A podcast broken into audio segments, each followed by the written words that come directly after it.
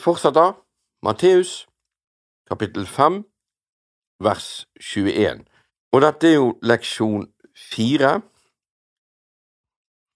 Og for oss blir det del tre, siden jeg tok to leksjoner forrige gang. Og jeg leser da fra vers 21. Dere har hørt at det er sagt til fedrene, du skal ikke slå i hjel, og den som slår i hjel, skal bli skyldig for dommen. Men jeg sier dere at den som blir sint på sin bror, uten grunn, blir skyldig for dommen. Og den som sier til sin bror, din tosk, skal bli skyldig for rådet, og den som sier du dåre, skal bli skyldig til helvetes ild. Derfor, hvis du kommer med din gave til alteret, og der kommer på at din bror har noe imot deg, så la gaven din ligge der foran alteret og gå derfra. Bli først forlikt med din bror, kom så og bær frem gaven din. Bli raskt enig med den du ligger i strid med, mens du ennå er på veien med han, så ikke den du ligger i strid med, skal overlate deg til dommeren, dommeren overlater deg til rettstjeneren, og du blir kastet i fengsel.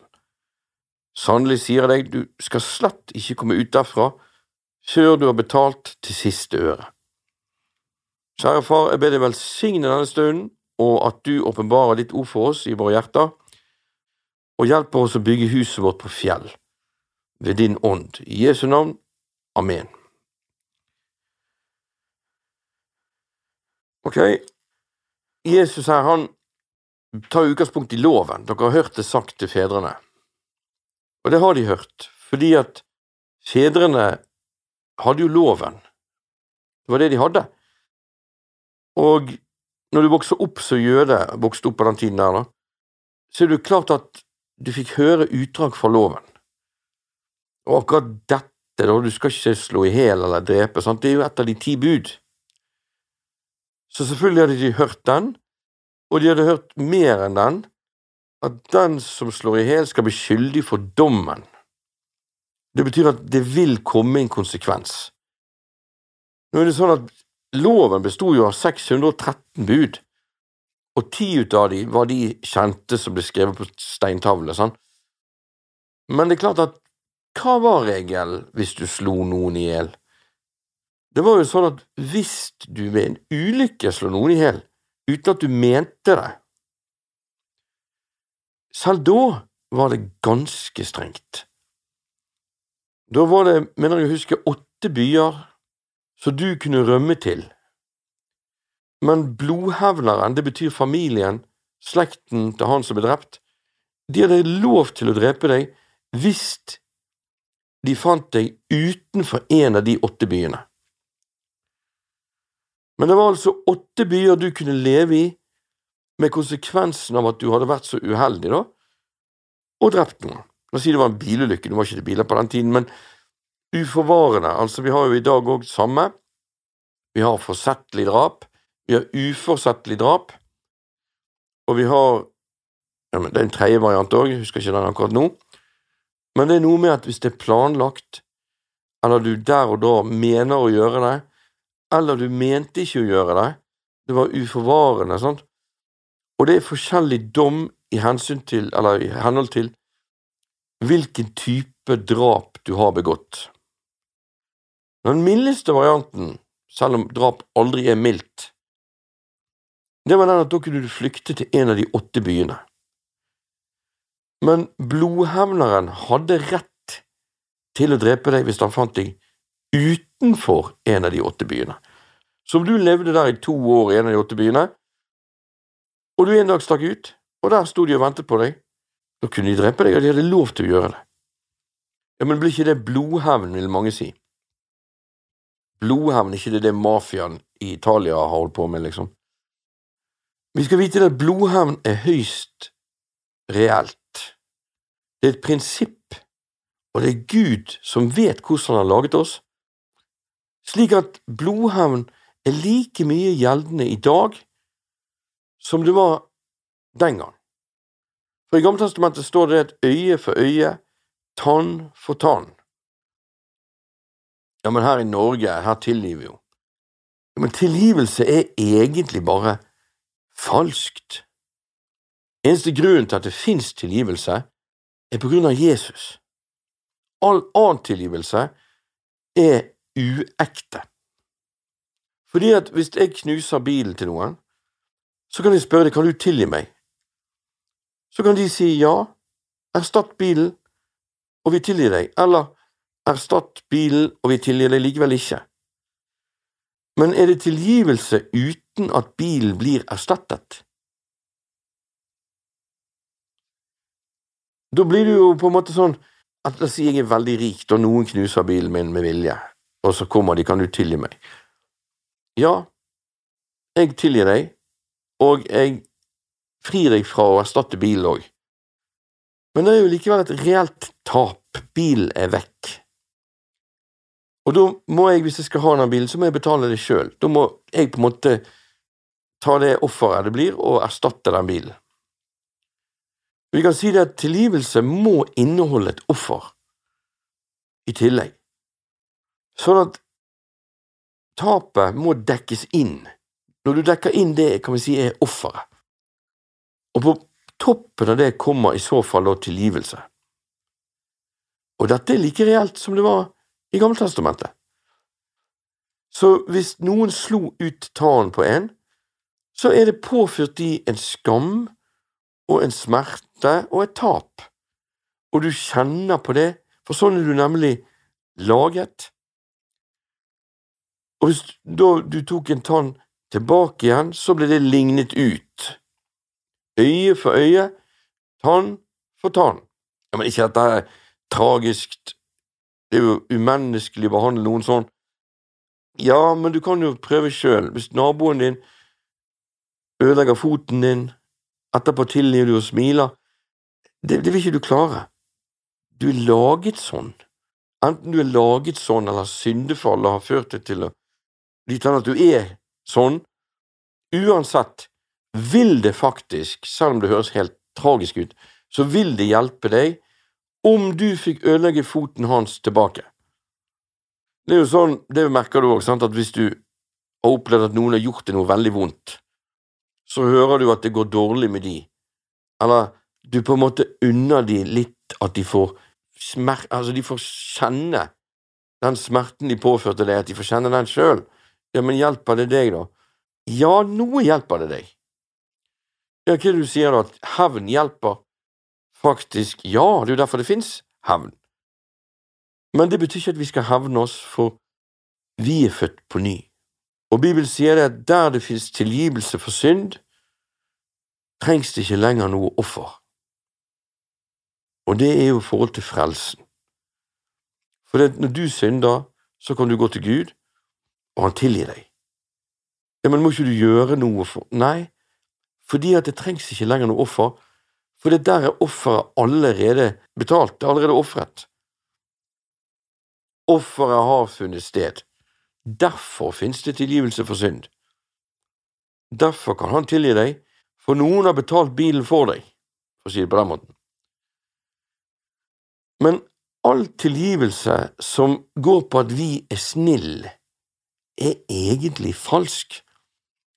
Og blant kristne i dag finnes det veldig mye falsk tilgivelse, der man er bitre likevel.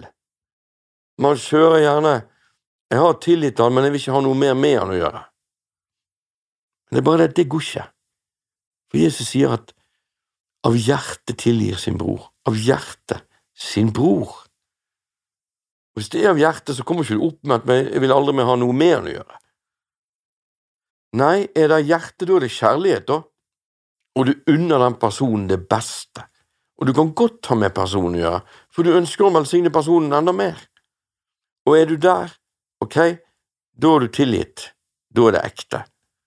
Da har du tatt det på det egentlige offeret, nemlig Jesus på Golgata. For Jesus har nemlig dødd for den personen òg, og hans synd òg. Og du er jo allerede superheldig. For du er jo født på ny. Du har fått alt ditt tilgitt. Du var den som skyldte 10 000 talenter, og fikk alt strøket, altså med andre ord et statsbudsjett. Mens det meste et menneske kan gjøre deg noe vondt her på jorden, det er det samme som tre månedslønner, altså 100 denarer. Fire, kanskje. Det er sammenligningen. Det Gud har tilgitt deg, er enormt. Derfor kan du òg tilgi andre. Så her er det snakk om, i bunn og grunn, øye for øye, tann for tann, men Jesus tok det øyet, kan vi si. Han betalte for det med hele kroppen sin. Han døde fullstendig. Dermed er det rom for oss til å tilgi alt og alle. Men hvis ikke, så er prinsippet det samme. Og tilbake igjen til Gammeltestamentet. Det var uforvarende, det var uhell på jobben, og plutselig mistet du denne sleggen ned i hodet på han under deg i stien, eller et eller annet, og han døde, og du kan flykte til en av de åtte byene. ikke det altfor strengt, og du gjorde det ikke med vilje?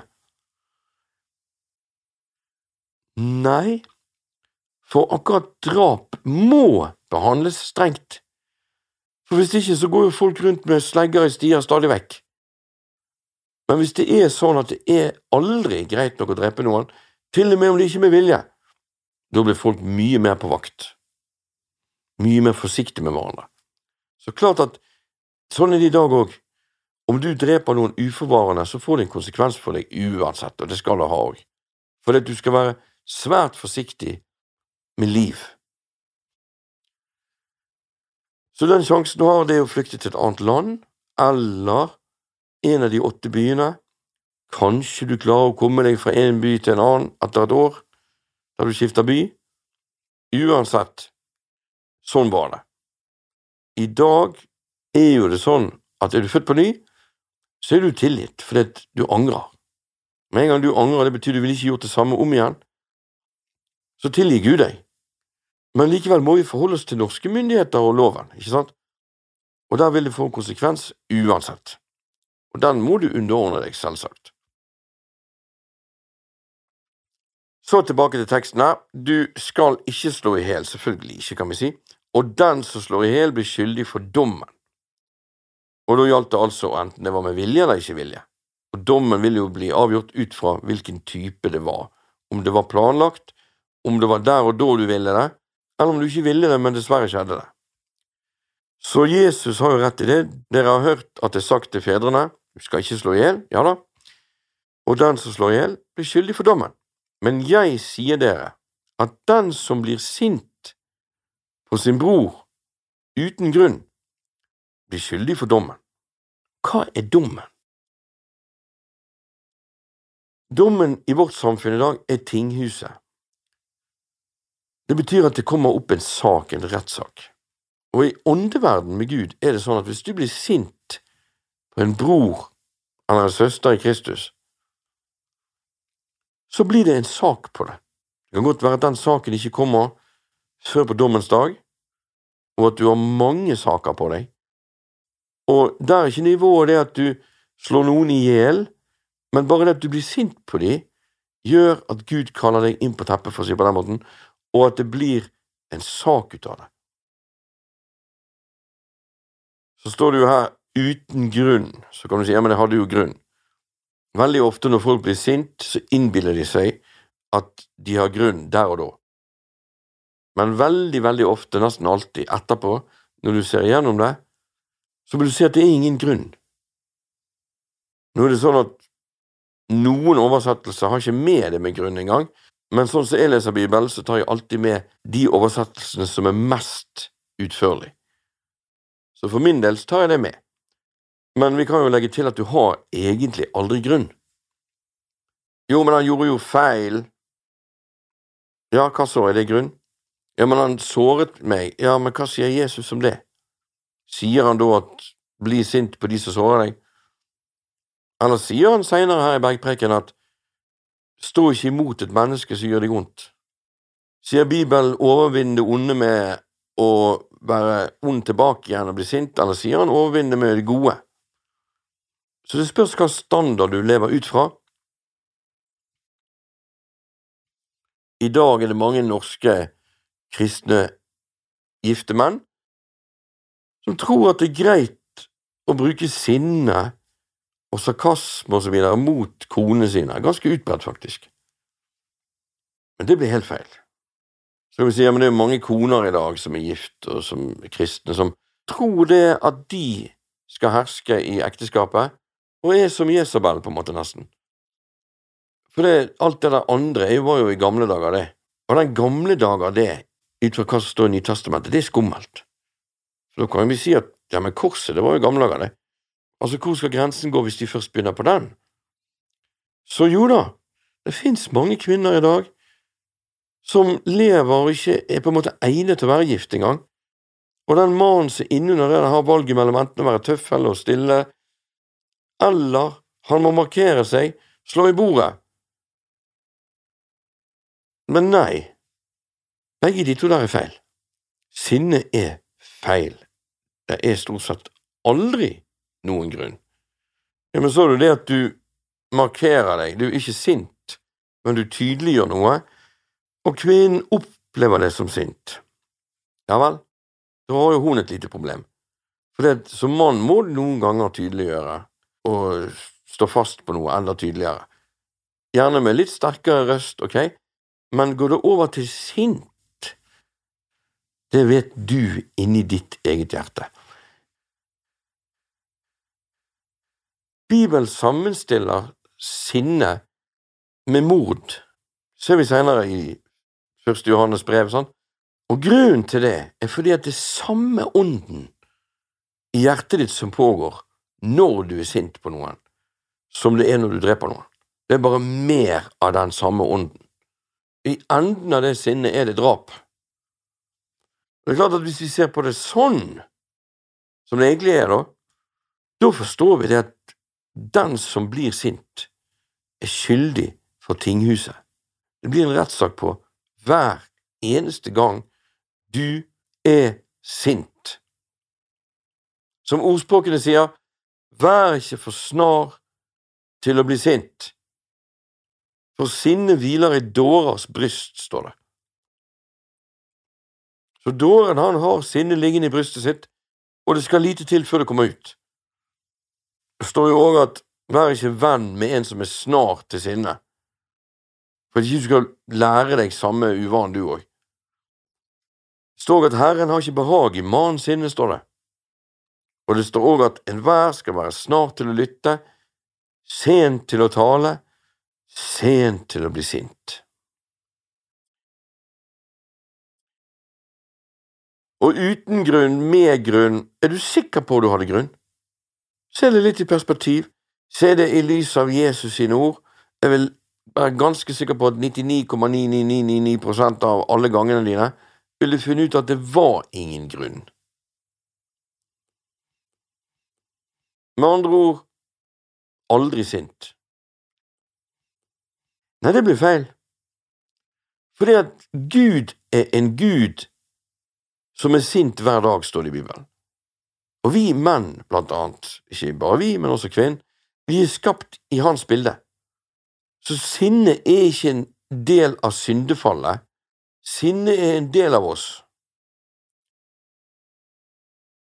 Og Det står ikke det at Gud er en Gud som er sint hele dagen. Det står at han er en Gud som er sint hver dag. Det betyr at det går ikke ett eneste døgn uten at Gud, Faderen, er innom sinnet sitt.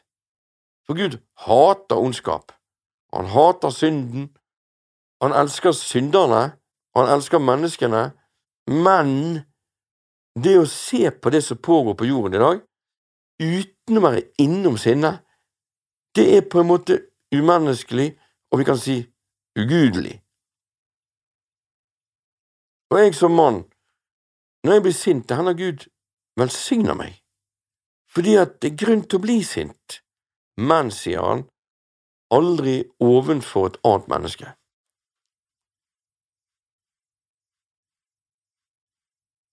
Bli vred. Bli sint, altså, men la ikke sol gå nedover deres vrede. Så det at jeg kjenner på sint mot ondskapen, mot urettferdighet, det liker Gud, men at jeg gjør det overfor et annet menneske, det hater Gud. Han har ikke behag i det i det hele tatt, står det. Så Gud ønsker ikke at du skal late som du er en annen enn den du er?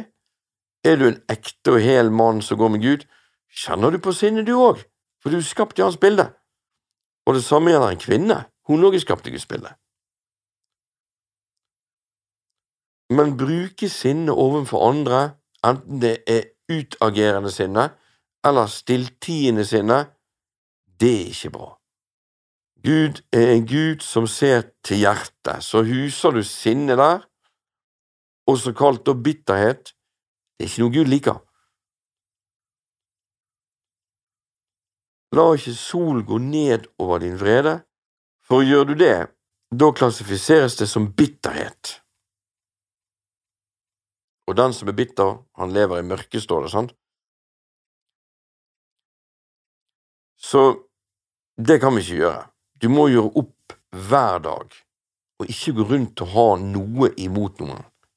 Hvis du for å ikke ha noe imot noen, la sinnet ditt komme ut mot den personen, for det følte du du måtte, for hvis det ikke ble det veldig tøft for deg, og du fikk på en måte lignet det ut ved å la sinnet komme ut mot den personen. Ja da, det er jo en løsning, det, men det er feil løsning. For da er vi like langt igjen, sant? Da har du blitt sint på din bror uten grunn, og det kommer en rettssak på det. Ja, men hvis jeg ikke får det ut, så blir jeg sittende inne med det. Ja, da må du gå på kne. Da får du fortelle Gud hva du syns om saken, og bekjenne det så synd at du er bitter på den personen, Uansett, få det vekk fra hjertet ditt, brystet ditt, hva skal jeg si, og kanskje, hvis det er en sak som er stor nok, ta det opp med personen. Det er fire muligheter. Én, du blir aldri sint på noen, for du blir aldri såret. To, du blir såret, men du tar det med Gud, og du ber for den personen og tilgir den personen.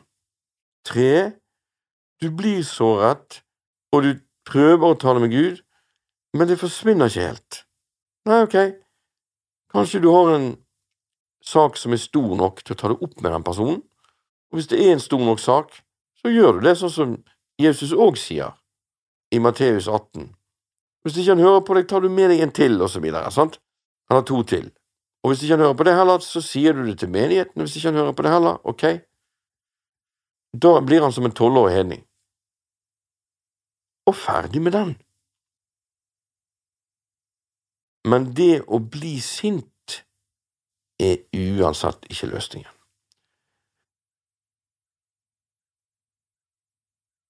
Så leser vi videre, og den som sier til sin bror, du tosk, eller vi kan si idiot, eller vi kan si det som står her, tomskalle.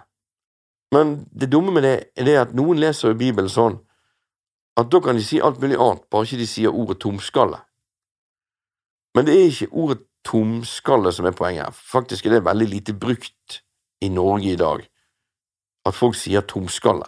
Men det er brukt at noen sier tosk eller idiot eller sånne ting.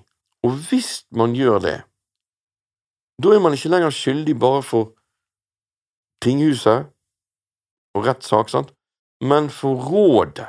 Og hva er rådet? Jo, det er jo regjeringen i dag, det. Så da blir du kalt inn på teppet til regjeringen, for det er ett hakk mer alvorlig enn å bli sint.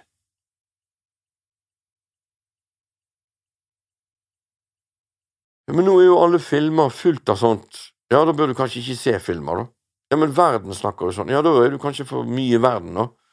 Men det å kalle noen noe negativt da blir det skyldig for regjeringen. Så alvorlig ser Jesus på det. For det, da har du hatt en frustrasjon inni deg, og så har du latt det komme ut med å slenge ut noe sånt noe. Men det er bare det at ord har makt, liv og død er i tungens vold, og den som gjerne bruker den, skal ete dens frukt.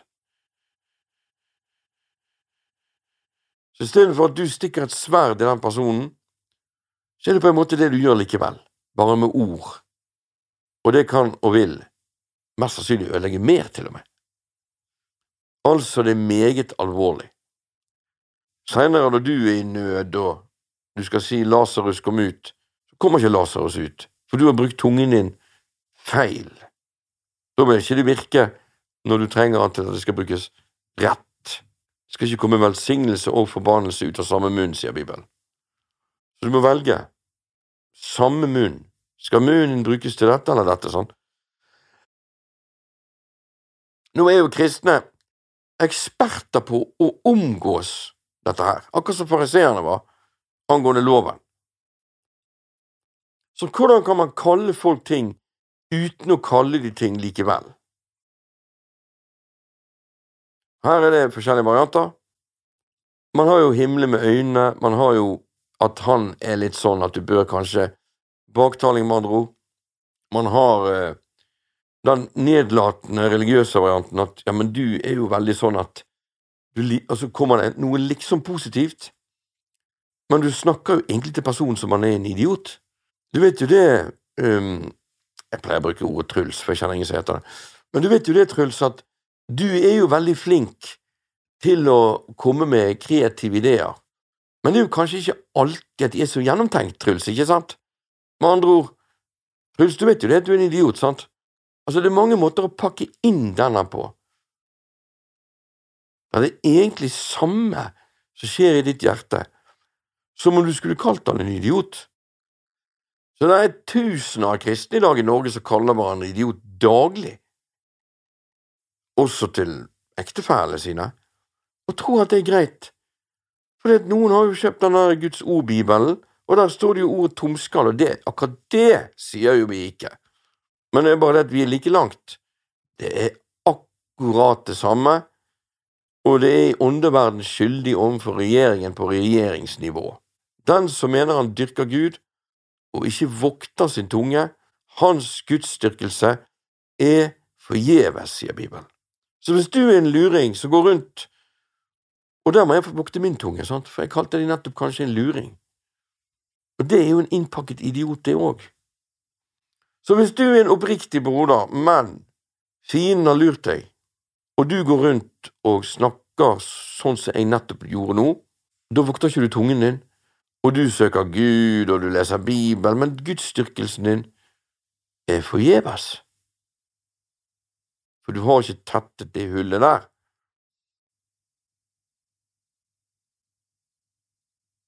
Ok, det var nivå nummer to, men det er et tredje nivå som er helt tragisk. Jeg leser videre her. Og den som sier din tufs, står det her, i noen bibler sto det du dåre skal bli skyldig til helvetes ild. Altså ingen rettssak i tinghuset, ingen innkalling til regjeringen, men rett til helvete. Det blir ingen dommens dag engang, for det blir bare rett inn i helvete. Og det er hvis du kaller noen hva for noe? Dåre, hva betyr dåre? Dåre er en det ikke er håp for. Det er en ugudelig person. En som ikke bare er dum og toskete, som man kan tenke, det, sånn, men som jeg dømmer med mine ord til å være en som på ingen måte følger Gud, og det er ikke håp for han heller. For han er helt håpløs, han er helt forferdelig, som en sa til meg en gang, og han vet ikke det sjøl. Den varianten der fins det kanskje mest av i Norge. Også med det her med at jeg vil ikke ha noe med han å gjøre. Hvorfor vil ikke du det, da? Da har jo du gitt opp personen. Det betyr at du har klassifisert personen som dåre gjennom forskjellige typer ord, eller kanskje til og med mangel på ord. Kanskje du har til og med ghostet personen. Det blir jo på en måte i prinsippet det samme. For istedenfor å gå i rette med personen, som er det Jesus sier du skal gjøre, så har du bare forkastet hele personen som håpløs. For det, det, er jo ingen i dag som sier din tufs noe særlig i det hele tatt likevel, og heller ikke din dåre, for det er ikke brukt i norsk tale. Så det er ikke nøyaktig de ordene der Gud vil til livs her. I så fall var det jo raka som ett av ordene, husker jeg, som det står på gresk. Så vi, vi sier ikke de ordene, men vi sier ting som betyr nøyaktig det samme, eller vi deler ut om ikke det kommer gjennom ord. Går det an å tale ord uten å tale ord? Ja, det gjør det. I Salme 58 ser vi det. Der står det i vers 2 Taler dere virkelig rettferdighet, dere som tier? Feller dere dom uten å gjøre forskjell, dere menneskenes barn? Nei, i hjertet planlegger dere urett, dere veier opp og sprer deres henders vold utover jorden. Altså med andre ord, det går an å tale noe. Det å tie er å tale noe, det òg. Og i dag Folk er frøst ut av menigheter, og det er tiet. De får ikke vite hvorfor gjør det engang. Eller man har skilt lag med noen og bare blokkert de. Dette er jo verdensmåter. Men når vi gjør det, så sier jo du med andre ord du dåre. For hvis det var håp for deg, så hadde jo personen gått i rette med deg, tatt opp ting med deg. Ja, men jeg har prøvd mange ganger. Ja, det har du sikkert, men har du prøvd på Jesus sin måte? Har du gått på kongeveien? Har du gått én gang, du og den personen, alene? Og hvis ikke det funker, tatt med deg en eller to til? For det er den eneste måten Gud godtar. Alle de andre måtene er kjødet. Så hvis du da har gjort tilsvarende, behandlet noen som håpløs, det betyr ikke at du skal absolutt ha med å gjøre den personen resten av livet, eller at du skal slippe personen inn i privatlivet ditt hvis personen vandrer uforvarende. Sant? Det står jo det at hold dere borte fra en som vandrer utilbørlig, det står utilbørlig. Så det, det betyr ikke det, men det betyr i hvert fall at du skal kunne gå i rette med personen og gjøre det tydelig på hvor overtredelsen er, eller hva som er grensene, og at den er overtrådt, og la personen få lov til å få et valg. Det er der du går over til å stemple personen som dåre hvis ikke du gir personen et valg. Da er det helvetes ild på deg. Så er det sånn at hvis du har gjort dette, da, ja, da kan du kontakte de personene det gjelder, og si unnskyld. Men hvis ikke du får tak i dem, da, ja, da må du prøve. Hvis ikke det går, da, da må du be Gud tilgi deg, og si til Gud at jeg ordner gjerne opp hvis jeg får sjansen, og det er nok for Gud. Gud ser hjertet ditt. Hvis personen er død, da, akkurat det samme, angrer du deg, er du tilgitt. For Gud holder ikke fast på sånt. La oss si du kalte noen for det er ikke håpløst, du er ikke håp for deg, du er en forferdelig person, du, du kommer ikke til å gå Altså, du går ikke med Gud, du er grusom, ha det. Og så reiste personen til et eller annet fremmed land, eller du får ikke tak i han. Og du angrer dine ord. Ja, det skal du få lov til. Men det står jo òg sant, ordne opp med alle så sant det, står opp til, så sant det er opp til dere. Og hvis ikke du da kan gjøre mer, ja, så kan du ikke gjøre mer. Og da dekker Golgata det for deg. Og det gjør han ellers òg, om du har gjort feil, men du ordner selvfølgelig opp så langt det står til deg. Men er du da ekte tilgitt? Selvfølgelig er du det, for sånn er Gud. Det ser vi flere steder i Bibelen. Det står jo det at har vel jeg behag i den ugudeliges død, sier Herren, må han heller at han vender om og får leve. Så Gud har ikke behag i den ugudeliges død, men hvis du da vender om, og da er det hva du gjør som teller, ikke om du lykkes med omvendelsen utad overfor andre, for det er noe annet, sant, men om du i hjertet ditt ikke vil være sånn lenger, og vende om. Gud, jeg angrer på alt dette her, ja, jeg hjelper deg, jeg har klart å ringe to av de og si unnskyld, men andre får ikke tak i, ja vel, Gud skjønner det. Og du i ditt hjerte har jo vendt om, det er nok for Gud, det. Og hvis han nå senere sender en av de din vei, ja, så får du sjansen til å ordne det opp. Vi kan snu på det, hvis noen hadde kalt deg noe sånt, og det kostet deg dyrt, og du flyttet til Karibia, si det. Personen satt her i Norge og angret. Ville ikke du tilgitt jo, selvfølgelig ville du det. Så den skyldig til helvetes ild, den blir lignet ut om du ber om tilgivelse og du vender om. Det er viktig å ta med. Så leser vi vers 23. Derfor, hvis du kommer med din gave til alteret, og der kommer på at din bror har noe imot deg, så la gaven din ligge der foran alteret, og gå derfra, bli først forlikt med din bror, kom så og bar frem gaven din. Altså, alter er jo ikke noe vi har i dag, vi går jo ikke til alter, da i så fall er det i kirken noe som menneskene har funnet på, det er ikke bibelsk det i det hele tatt. Så Gammeltestamentet, men det her gjelder jo ikke for bare Gammeltestamentet, gjør det det, da? Nei, det var jo poenget i den første delen jeg hadde. Å lære de alt jeg har lært dere, disiplene lærte dette, de lærer det til oss. Ja, så hvor er vårt alter, da? Det er til syvende og sist inni ditt eget hjerte. Og du kommer der med gaven din, offeret ditt. Hva er gaven din, da?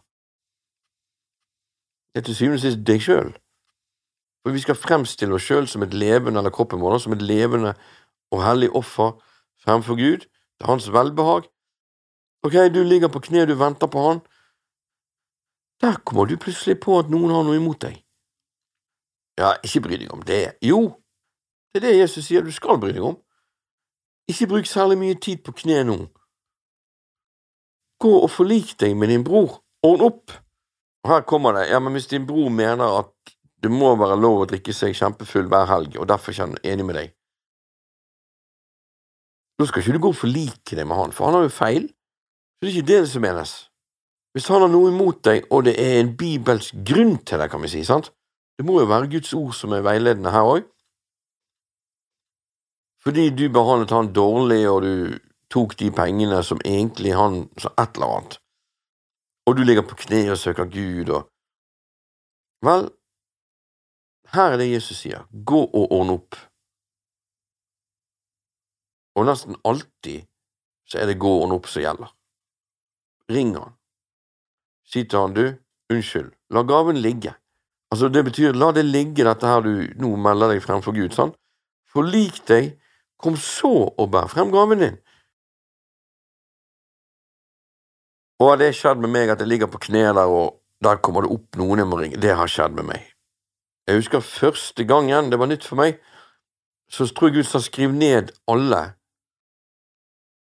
Og jeg fikk jo sjokk, det var jo en liste på 26 navn som jeg kanskje hadde såret. Og jeg skulle til å ringe, sant? men jeg klarte ikke å gjøre det. Jeg sa til Gud, ja, men det er jo ingen andre som gjør dette her, ingen har ringt meg. Det skal ikke du bry deg om, sa han, du gjør det. Og jeg stod, så, satt der og så på det første navnet.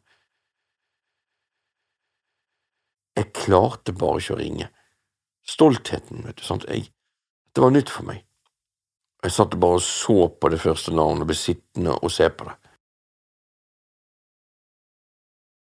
Plutselig ringte telefonen. Der var det han som sto øverst på den listen, det navnet som jeg så på. Det var han som ringte. Nå omtrent så Gud sparket meg i gang. Og jeg sa til han sånn og sånn og sånn. Nå hadde han såret meg òg, syns jeg, da egentlig mer, men jeg tok bare opp det som jeg eventuelt hadde gjort feil. Og han tilga meg, og dermed var jeg i gang, og når han tilga meg, så glemte jeg faktisk alt det han hadde gjort meg. Det forsvant bare, jeg vet ikke hvor det ble av. Så jeg trengte ikke det at han sa det til meg. Så lenge jeg tok, tok mer av min side, så ordnet Gud hjertet mitt motsatt vei òg. Automatisk den gangen der, husker jeg.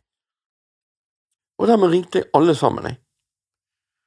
Og det var jo i hvert fall tolv av de så sa det at de skjønte ikke hva jeg Altså, eller 14, jeg husker ikke tallet nøyaktig, men de sa det de skjønte ikke at det var noen grunn til at jeg ringte i det hele tatt. Forsto ikke hva jeg mente, jeg hadde ikke såret de i det hele tatt. Ikke noe å tenke på, de har ikke engang merket noe engang. Det, nå husker jeg, det var, det var 14 stykker som sa det. Men tolv av de, blant de, var det noen som sa det at de var veldig glad jeg ringte og det hadde vært vondt for. Og det ga meg et lite sjokk.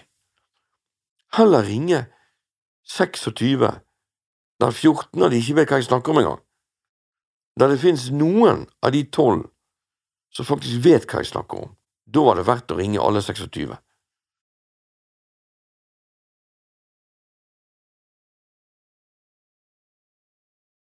Og Jesus sier jo her vers 5, bli raskt enig med den du ligger i strid med, mens du ennå er på veien med han, så ikke den du ligger i strid med Her vil jeg bare si, du ringer jo ikke folk sånn etter elleve. Eller Når det gjelder dette her, jeg har gjort det. Men de skal jo på jobb dagen etterpå. Jo, men bli raskt. Jeg har ikke god tid på meg. Det har hendt at jeg ringte om natten òg, for jeg må ha kontakt med Gud. Og jeg skjønner at dette stenger for den kontakten hvis ikke. Og som, jeg, som oftest har de ikke blitt såret av at jeg har ringt dem om natten, de har vært glad for det at de òg ønsker jo fred og enhet. Så jeg forstår at du ringte, og det går helt fint, eller jeg er glad du ringte, og de sover til og med bedre, de òg, etterpå. Raskt er raskt. Jeg vet om kristne som har hatt ting i 15, 20, 30 år. Det er ikke raskt. Og pastorer som har ting og får stadig vekk inn nye, ja, det er helt greit, fordi de har aldri bygget huset på fjell. Men vi er nødt til å gjøre det, og de òg, for det er det Jesus sier. Hva skjer hvis ikke du gjør det raskt? Den du ligger i strid med, kommer jo altså ingen vei med deg, og det ender med at personen gir det til Gud i bønn, for Gud er dommeren. Så han overlater det til dommeren, dommeren overlater det til rettstjeneren, det er englene, og du blir kastet i fengsel. Hvordan fengsel? Jo, åndelig fengsel. Det kan være fysisk fengsel, det kan være sjelisk fengsel, det kan være en kombinasjon, det kan være alle tre. Sannelig sier jeg deg, du skal slett ikke komme ut derfra før du har betalt til siste øre.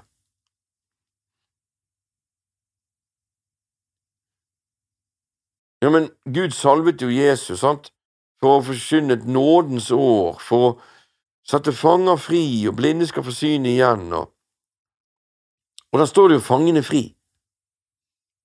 Ja, men dette er en av de viktigste måtene Jesus får fanger fri på, nemlig at han opplyser om dette.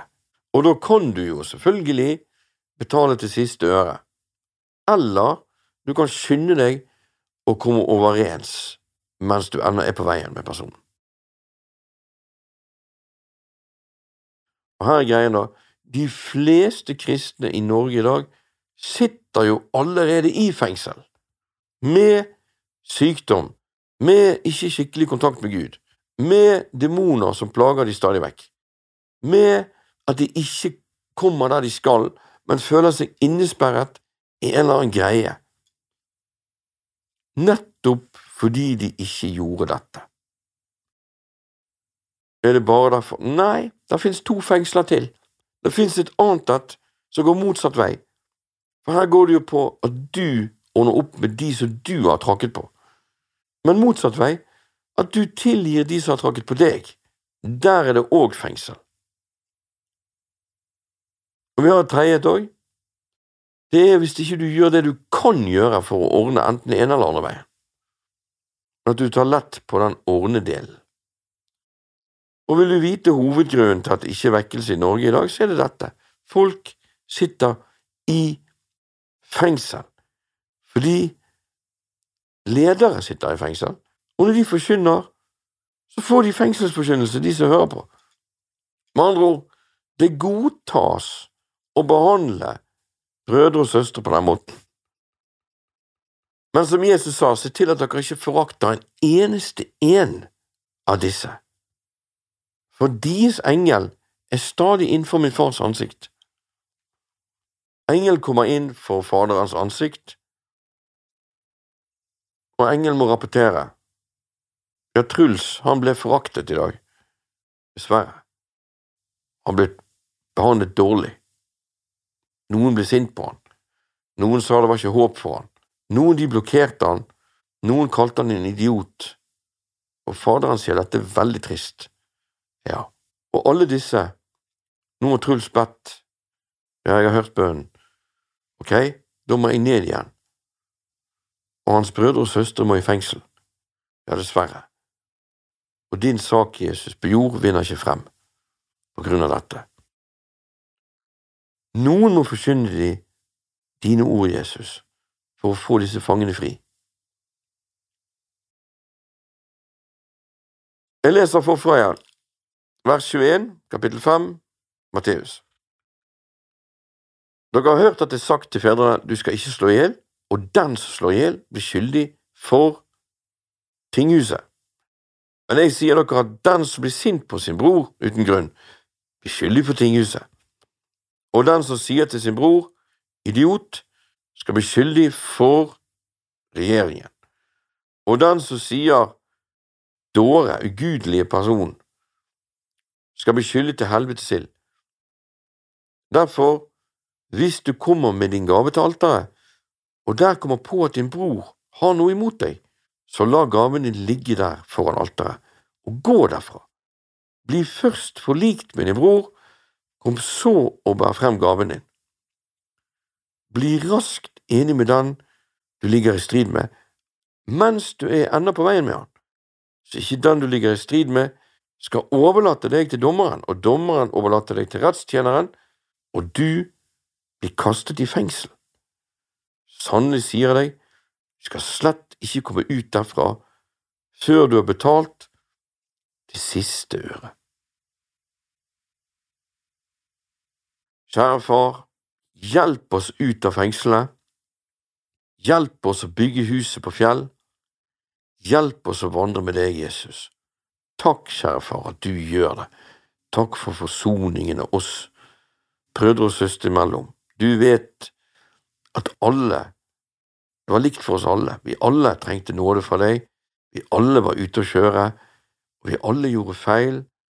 Du må hjelpe oss til å vandre i kjærlighet, til å alltid ha kjærlighet til hverandre, uansett, og overvinne det onde med det gode, og vandre ydmykt og tilgi hverandre, og ikke minst be hverandre om tilgivelse.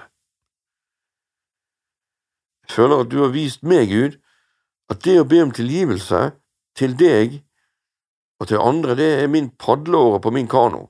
Uten det går ikke det fremover. Det blir ingen vekkelse heller. Og jeg ber deg, kjære far, hjelp oss til å holde deg høyest og ikke mennesker. La ingen bitterhet få koste oss din plan for våre liv. I Jesu navn. Amen.